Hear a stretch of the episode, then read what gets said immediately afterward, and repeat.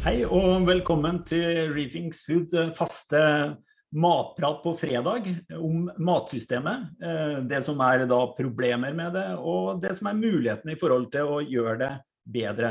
Noen sier jo at eh, det internasjonale, eller EU har sagt rett og slett at det europeiske matsystemet i hvert fall er, dysfunksjonelt, og at det må gjøres vesentlige ting for at det skal fungere bedre, slik at vi når klimamål og bærekraftsmål og viderefører det biologiske eh, mangfoldet.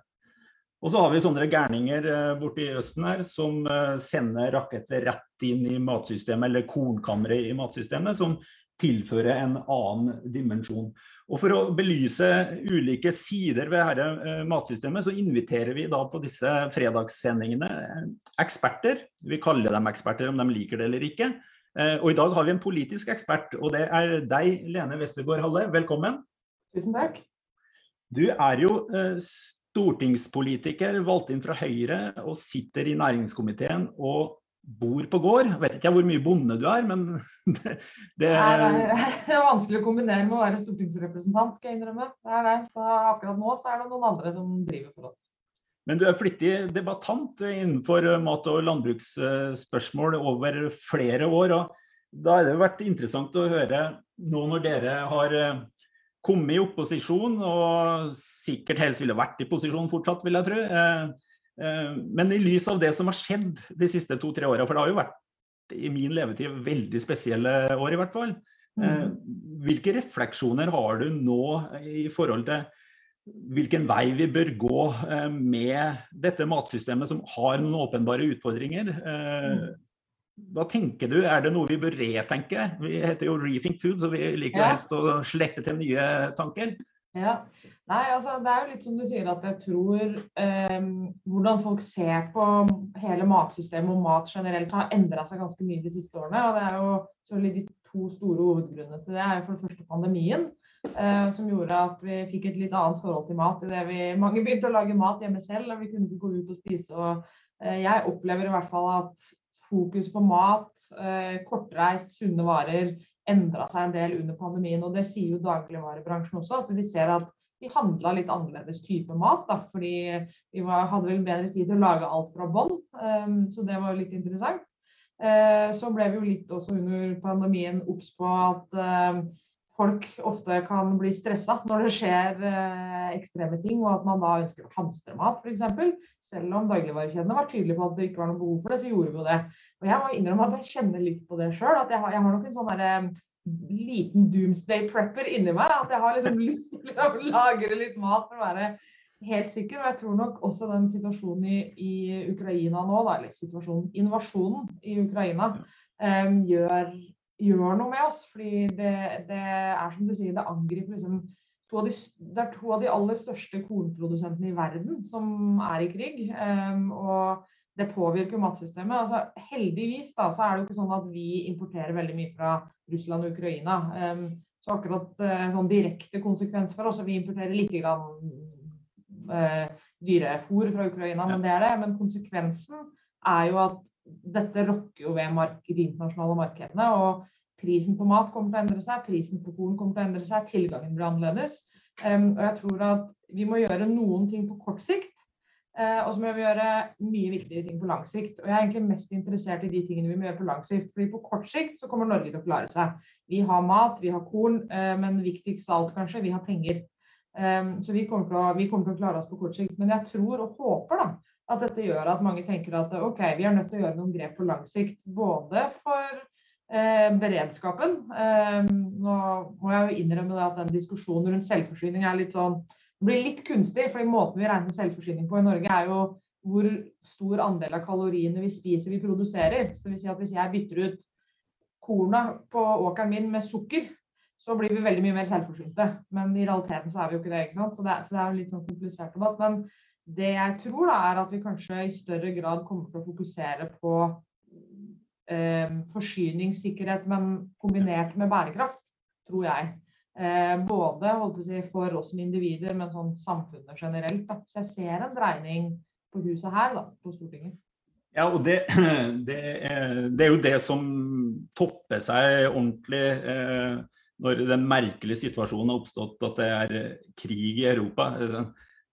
Jeg trodde aldri jeg skulle si det noen, noen gang i min, min levetid.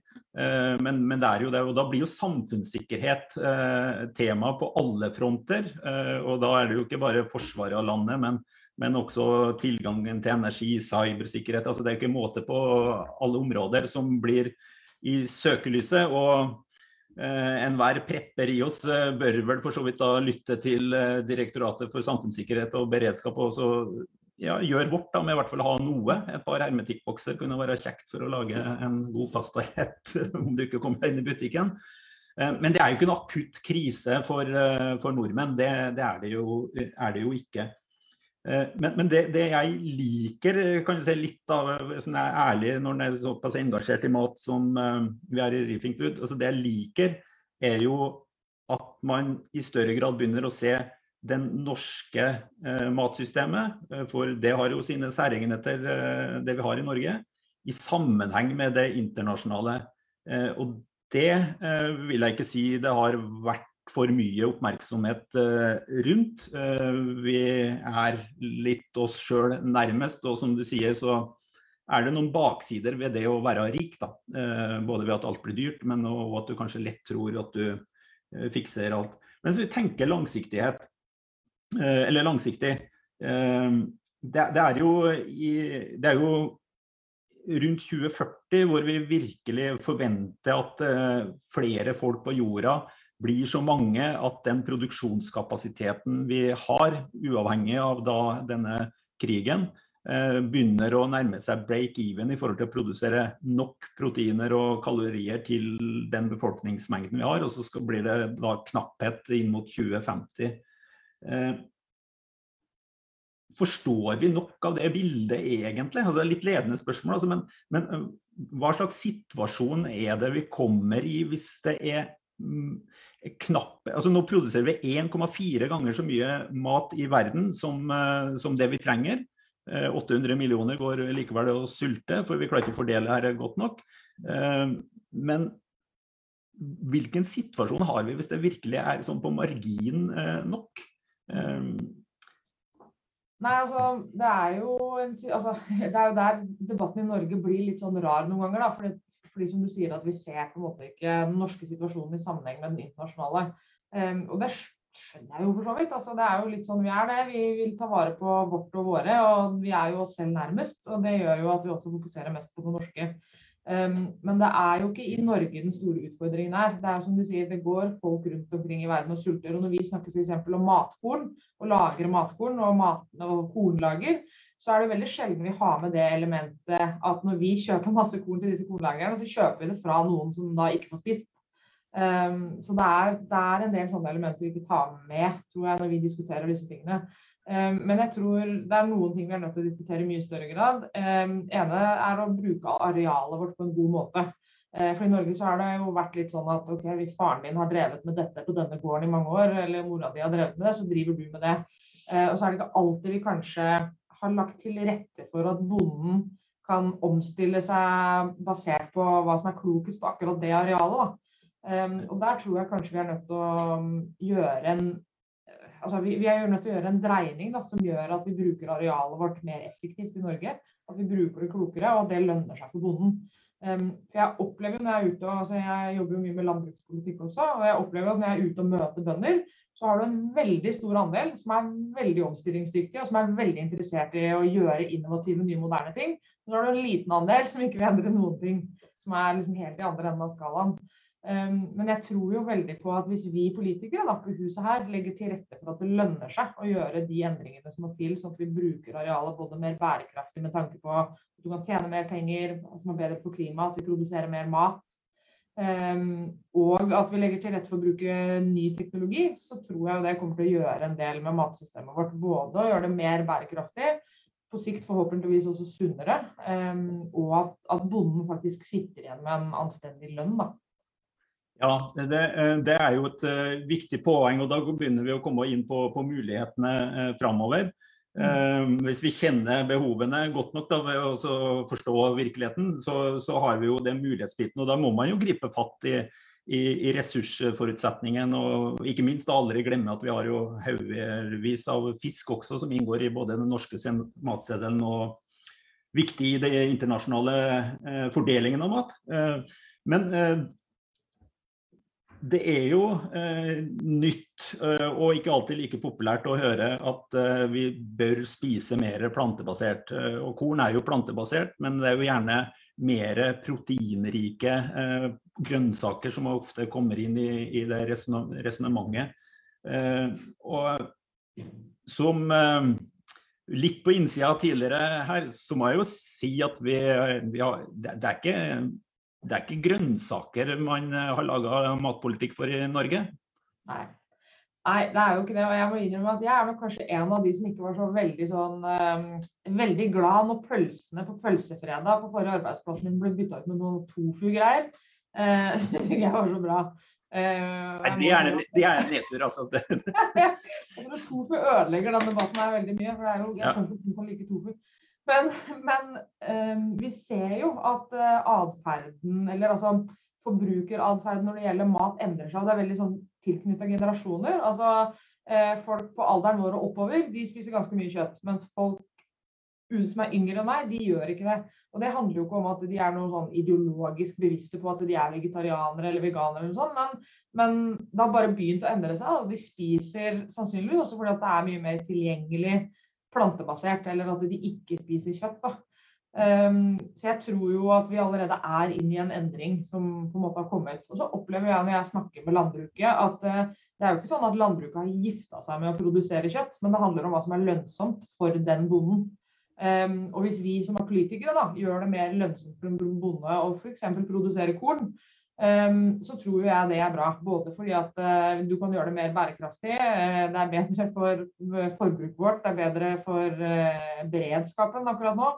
Um, og det at vi klarer å produsere altså Vi er flinke på å produsere protein allerede, men at vi klarer å produsere, produsere proteinrik plantebasert mat. Da.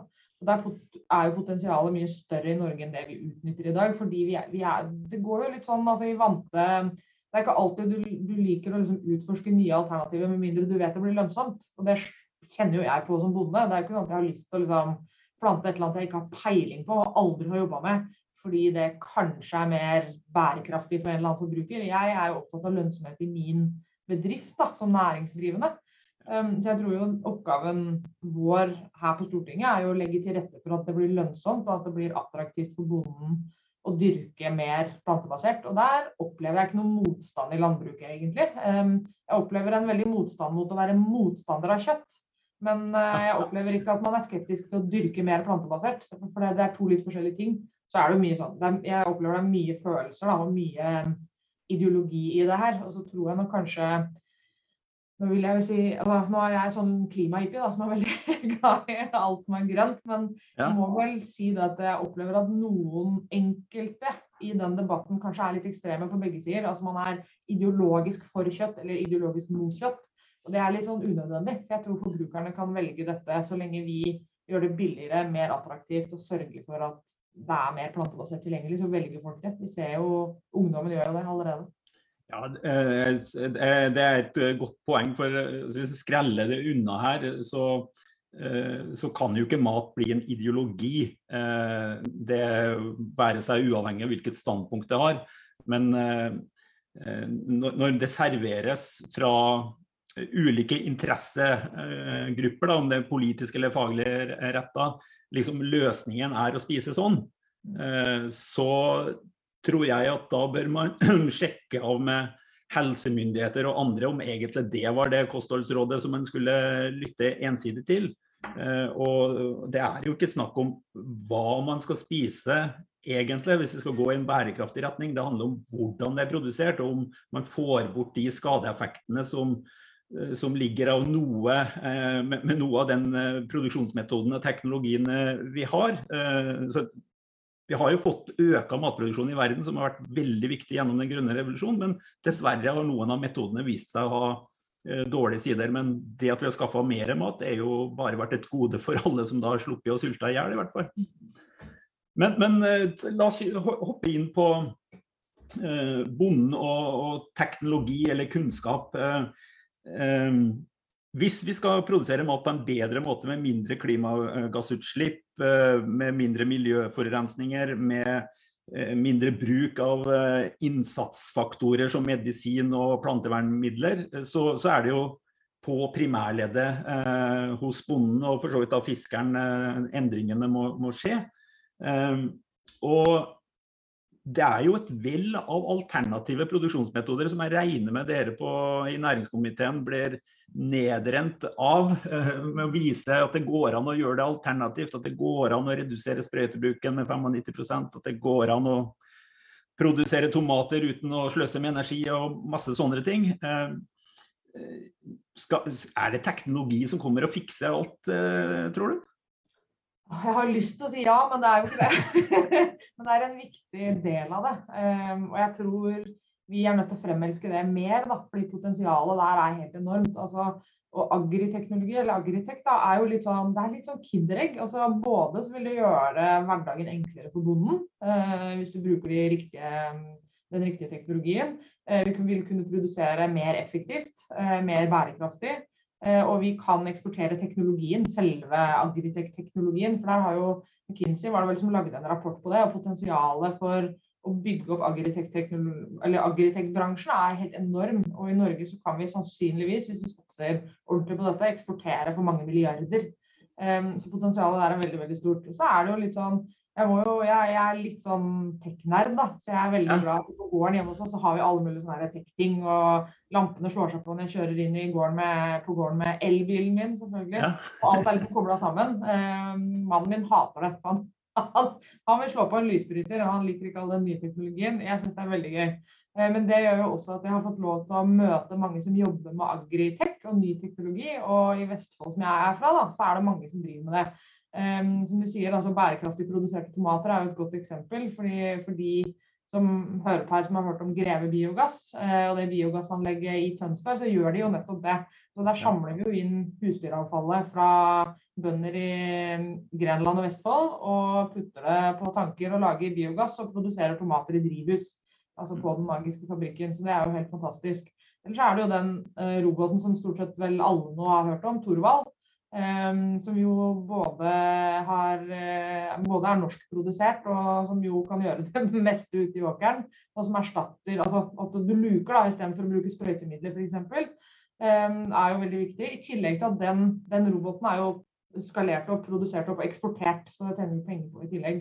Um, så jeg tror jo at det er et veldig stort potensial der. Og jeg syns det er veldig gøy å se hvor mye teknologi som er tatt i bruk. Og jeg, jeg merker litt sånn der når jeg snakker med venner og min omgangskrets som kanskje verken er bønder eller politikere, så, så, har de ikke helt fått med seg alt som har skjedd i landbruket. Altså jeg, tror, jeg tror de liksom altså, Nå skal jeg ikke si noe negativt om folk, folk, i Oslo, da, men hvis du bor i en by, da, la oss si det er Trondheim, um, at du har et bilde av at du fortsatt sitter liksom og melker kua og omtrent går bak hesten når du pløyer. De, de, altså, landbruket i dag er jo mye mer moderne. Altså, du har melkemaskiner og du har kuene som går inn og gjør det liksom automatisk. og Du har digitalisert landbruk og man bruker iPader og teknologi og internett når man holder på på jordene. Jeg, jeg, jeg, tror ikke folk er helt klar over hvor langt vi har kommet, men potensialet er veldig mye større. Da. Og jeg tror dette kommer til å føre til at vi dyrker mer effektivt, at bonden kan tjene mer penger. Eh, at vi tjener penger på å eksportere teknologien. Eh, at vi kan produsere både mer bærekraftig mat. altså Enten ting er økonomisk og for klima, men helsemessig da, for enkeltmennesker. Så jeg tror potensialet er helt enormt. Eh, og vi, bare er, i, vi er bare i den spede begynnelsen. Jeg tror du er helt rett i at Og det er jo helt naturlig. og det er jo det er jo drøye rundt 40 000 bønder, jeg husker ikke eksakte tallet. Det er jo ikke en stor andel av, av befolkningen. Eh, så at alle ikke er eksperter på hvordan melka produseres i dag, eller hvordan kyllingen for den saks skyld har det, eller eh, gulrota, eh, det er jo en realitet. Men samtidig så, samtidig så er det jo også nødvendig da, at folk får bedre forutsetninger til å forstå hva en riktig matproduksjonsmetode er, som bidrar til at vi ikke skaper større problemer fra fremtidige generasjoner. Eh, men vi kommer jo ikke unna at det er eh, næringen og markedet sjøl og, og, dere som er politikere som kan sette rammer for, eh, for produksjon. Det, det, kan egentlig ikke forbruker gjøre, som en bidrar med etterspørsel. Så, så går det litt seint hvis ikke vi setter rammer. Og du er sikkert kjent med med EUs vekststrategi inn i det her bærekraftige samfunnet, med The Green Deal og Farm to Fork. Er det rett av meg å si at det er et lite tankekors at aktiviteten på det området synes å være veldig høy da, i Brussel og noen av medlemslandene, mens jeg ikke ser helt den samme fresen i virkemiddelutvikling i Norge? Mm. Nei, Det tror jeg du har rett i. Jeg, men jeg tror vi kommer til å få litt drahjelp av EU. da, Nettopp fordi at de er så på ballen med dette med farm to fork, og at uh, dette er på en måte strategien som ligger til grunn for omtrent alt de har, har, tenkt å gjøre på alle politikkområder. Um, jeg tror det kommer til å være positivt for Norge. Jeg opplever jo at uh, altså fra jord til bord uh, er jo den norske versjonen av det. Um, jeg opplever jo at landbruket sjøl kanskje har vært, har vært, tydelig på det, at man ønsker måte, he, å se hele verdikjeden og se verdien av det der med mat fra jord til bord. mens at eh, vi politikere kanskje ikke har vært like flinke til det. Eh, men jeg tror det kommer til å komme nå. Eh, jeg tror nettopp som vi snakket om innledningsvis, da, at pandemien og situasjonen eh, nå med krig i Europa gjør at vi kommer til å endre en del. Vi kommer til å fortsette, altså det er jo starta allerede, diskutere ting på en helt annen måte og diskutere andre temaer enn vi har gjort tidligere. Altså Beredskapslaget for korn, som er et stort tema om dagen, da, det er jo ingen andre enn Senterpartiet som har snakket om det. Nei. nå har Senterpartiet endret mening, da, basert på hva sammenlignet med det før krigen. Men uh, jeg, jeg, tror mange flere engasjerer seg i disse temaene nå. Fordi de føler det er, det er nærmere. Altså, du er mer opptatt av mat, du er mer opptatt av beredskap, uh, og, du er mer opptatt av den maten som dyrkes skal være bra, da, også helsemessig. Så um, der er det jo mange aktører som har vært på banen og dratt opp en del debatter som nå begynner å komme til overflaten. Altså, dere har jo gjort det. Eh, EAT har jo gjort det. Eh, så det er flere, flere aktører som på en måte har satt det på agendaen. Så jeg tror det kommer. Eh, og kommer det ikke, så kommer EU til å tvinge det fram. ja, det, det, kommer det både eh, Så vidt jeg kan skjønne, så, så, vil jo det meste som ligger innenfor porteføljen Green Deal, og Farm to Folk er jo en del av den, så blir jo det såkalt EØS-relevant. altså Det betyr at det, er, eh, det kommer inn i norsk lovgivning direkte eller indirekte. Og hvis det ikke gjør det, så vil det jo sette en markedsstandard i, i EU som vil påvirke standardene i Norge også. Ehm, og for å skape en liten bro til det jeg har lyst til å ta en runde på på slutten her. Ehm, det, og det går på handelspolitikk. Eh, for det, det, er sammenheng mellom det globale matsystemet og de, de nasjonale. Eh, I ulik grad i ulike land, men, men, det er sammenhenger der. Og handelsavtalene de avklarer jo noen spilleregler for både kvalitative ting, men ikke minst da tariffer og sånne ting som det gjerne blir masse bråk om når man snakker om det. Men eh, hvis vi starter med eh, en undersøkelse som jeg har nevnt for deg, eh, som eh, du sikkert ikke har studert, men, men, likevel hvis vi tar highlights fra den. Eh, Rockefeller Foundation kom med den eh, i sommeren 2021. Og de beregna hvor mye maten kosta ut fra butikk eh, i dagligvarebutikkene i USA. Mm. Og så kommer det et sånn fantastisk eh, tall, da. 1,1 trillioner dollar. Jeg vet ikke hva det er for noe, men så mye betalte amerikanerne for maten når de summerer opp det. Og Det er ikke den interessante delen av, eh, av regnestykket. Den interessante biten er at eh, de gjorde en studie av hva med alle de andre kostnadene som matproduksjon og konsumet av maten påfører samfunnet. Eh, og da sa de at eh, så og så mye slår ut i helsebudsjettene, så og så mye svekker eller tilfører kostnader på miljø og, og klima, eh, og så og så mye ødelegger da biologisk mangfold. Og så fant vi ut at det var det maten burde ha kosta i butikken, hvis du skulle dekke de samfunnskostnadene, så var det 3,2 trillioner dollar. Det betyr tre ganger så mye. Eh, og den kunnskapen som ligger der på, på disse, eh, disse merkostnadene som blir dumpa til skattebetalerne i USA, og de pleier jo ikke å like å betale skatt, virker det som, når de følger med, eh, eller til kommende generasjoner, det er jo egentlig essensen av den kostnaden som du må få utligna hvis du skal få til å lage et bærekraftig matsystem. Og da blir spørsmålet mitt kan man, er det realistisk å tro at man i handelsavtaler setter krav som gjør dårlig mat mye, mye, mye dyrere. Mens det som er da state of the art i forhold til eh, bærekraftsindikatorer, rett og slett blir billigere eller får mer konkurransekraft. Hva mm. tenker du om det? Jeg tenker at det er mulig, men at det må gjøres på riktig måte. Da. Um, for, jeg, altså, for, dette er litt sånn for meg todelt. Det ene er kostnadene det har for naturen og miljøet. Um, der har vi jo hatt noen diskusjoner i Høyre om dette med å innføre naturregnskap. Um, uh, vi har jo bl.a. foreslått i den havrapporten som eh, Erna Solberg lanserte, å innføre den type regnskap på havet. Altså når vi mm. bruker f.eks. mineraler, uh, tang, sånne ting i havet. Altså hva koster det versus hva vi henter ut.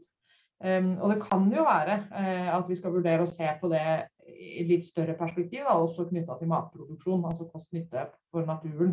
Så Det er det ene. Det andre er helsekostnaden. Um, og Der tror jeg kanskje det er lettere for folk å relatere det til seg personlig. fordi Én ting er jo den store utgiften det er for samfunnet ved at vi spiser feil mat hele tida. Kommer jeg til å ha dårlig samvittighet neste gang jeg spiser på, på, burgersjappe. Men, uh, men, det er jo også kostnaden for enkeltmennesket. Altså den helsekostnaden det har for oss. Vi bruker mye penger på helse i Norge. Vi kan, altså, og jeg tror det hadde vært veldig mye mer fornuftig om vi brukte mye av de pengene på mat. Da. Fordi hvis vi spiser riktig mat, så ligger det veldig veldig mye god helse i det. Og det tror jeg sakte, men sikkert nå folk begynner å liksom se og innse. Um, så der tror jeg det handler mye Kanskje én ting er liksom prisen på det, men det å gjøre det tilgjengelig for forbrukeren. Fordi billig, usunn mat er veldig tilgjengelig for meg som ja. forbruker. Um, mens dyr, kanskje litt mer komplisert, sunnere mat. Altså det at den maten er dyrere, er jo ikke bra. Um, så det å, å legge opp til et matsystem hvor det blir dyrere å velge usunt og billigere å velge sunt, det vil jo være bra for alle. Det vil være bra for deg og meg som forbrukere og som spiser mat. Det vil være bra for barn og barnebarn, og det vil være bra for samfunnet som helhet. Um, og Der har vi jo foreløpig ikke gjort så veldig mye. Noen av dagligvarekjedene har jo gått foran og sagt at de skal ha billigere frukt og grønt og ja. osv. Um, men så er det jo utfordringen er jo den der handelsbalansen òg. Hvis vi gjør alle usunne varer i Norge kjempedyre, hva gjør vi da? Jo, da stikker vi til Sverige og handler det billig der istedenfor. F.eks. Så, så det er jo noe med liksom um, vi, Det er så altså Hele verdikjeden for mat er så sammensatt. Så hvis vi trykker på én knapp, så popper det opp en knapp et eller annet sted. Så vi må liksom klare å gjøre det litt sånn helhetlig. Da. Men jeg tror på å gjøre sunn mat mer tilgjengelig og billigere. Um, og der har vi en vei å gå i Norge. Det det viser jo også norske beregninger som inneholder noe av de samme, uh, samme tallene fra, uh, fra, USA der. Uh, og kanskje vi skal få gjort en tilsvarende Rockefeller Foundation-vurdering av hvordan situasjonen er i, i, Norge. Det er i hvert fall veldig interessant å se at det går an å sette tall på ting. Og, og går det an å sette tall på ting, så går det an å bake det inn i i markedsmekanismene eller i avgiftssystemene eh, også. Og ikke minst eh, det du sa om at eh, verdikjedens aktører sjøl, med industri og, og, og, og, dagligvarekjeder som har kontroll på markedsplassen, at, at, de tar et eget ansvar for å få til den vridningen som er, er, er mulig. Det tror jeg det tror jeg det er gjerne dere som sitter på tinget kan være tydelige på forventningene om at de bare gjør mer. For eh, det skal noe til for at bonden investerer inn i teknologi og kunnskap og alle mulighetene, eh, hvis eh, han ikke får en trygghet for at det slår ut på bunnlinja egentlig allerede første år. For det er ikke noe oppspara kapital som ligger i, i den enden av verdikjeden. mens den ligger jo mer på industri og, og på sluttleddet. Eh, og de, de, må jo være med å investere inn i den maten som de skal produsere, hvis de skal ta et samfunnsansvar for bærekraft, eh, de også. Eh, mulig det er god latin for dem å høre, men ikke alltid jeg føler meg like overbevist om det. Eh, men, men eh, vi må runde av. Eh, tiden flyr. og Jeg håper jo at jeg ser spennende forslag fra eh, deg og dere i næringskomiteen, selv om dere sitter i opposisjon og eh, regjeringen bestemmer eh, litt vel mye for De, den er, som de, har mindretall, vet du, så det er Stortinget som bestemmer. Ja, det har de, det stemmer. Det, nå glemte jeg jo det i farten. Men, men eh, da, da er det en ting som eh, To ting jeg tenker. Eh, vi har dette gresset i Norge. Eh, og jeg lar meg faktisk irritere over de som sier at eh, sauer, geit og kyr eh, er først og fremst et klimaproblem. Eh, det, det, kan vi ikke ha, men folk må ikke spise mer rødt kjøtt enn det som er sunt for dem. Men, men vi må utnytte det gresset for å ta ut hele produksjonspotensialet. og så tenker jeg at kunne man eh, laga en annerledes eh, matstrategi. Altså, jeg ser ikke verdien i en ny eh, jordbruksmelding eller landbruksmelding, fordi det liksom melder politikk, men det er liksom ikke eh, Jeg ville heller hatt noe mer eh, fristilt i en sånn NOU-retning som var en strategi som var langt over hvor vi er ved neste valg.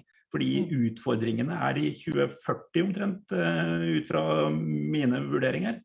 Mm. Går, går det an å få i gang noe sånt, eller er det bare ikke sånt som uh, man gjør i, i, fra storting, da, egentlig? Jeg kan jo sette i gang en sånn utredning hvis jeg finner noen som vil være med på betalen, men, men for dere som uh, sitter i politikken, hvordan tenker du om det? Litt annerledes inngang enn det vi tradisjonelt har hatt? Ja. Nei, altså Om det er en NOU eller en annen type utredning, det skal jeg forstått ikke mene så mye om. Men jeg er veldig enig i at vi trenger en helhetlig gjennomgang av matsystemet. For å se på alle de tingene vi har snakket om nå. Eh, både bærekraft og helse og arealutnyttelse. At vi, at vi ser på det helhetlig, for det gjør vi ikke i dag. Um, uh, skal ikke gjøre sånn veldig mye partipolitikk ut av det, men vi startet på det arbeidet da vi satt i regjering. Uh, Foreløpig så er det ikke videreført. Det jeg håper at noen uh, som hører på her i dag, kanskje har lyst til å videreføre det. Men, men, vi kommer nok til å ta initiativ til nettopp en sånn helhetlig gjennomgang. Da, for det ønsker vi, og vi mener tiden er overmoden for det. Og så opplever vi kanskje at Eh, både mine kollegaer her på huset og folk flest er mer interessert i det nå fordi vi har vært gjennom en pandemi og fordi vi står i den krisen vi gjør i Europa nå med krigen. Da. Og at det gjør at folk har blitt mer bevisst på mat og matsystem og hvordan, hvordan vi kan gjøre det best mulig. Um, så jeg tror eh, absolutt at det er mulighet for en sånn type gjennomgang. Og så får vi se om det blir en NOU eller om det blir noe annet, eller om vi får flertall hvis vi foreslår det. Ja, riktig.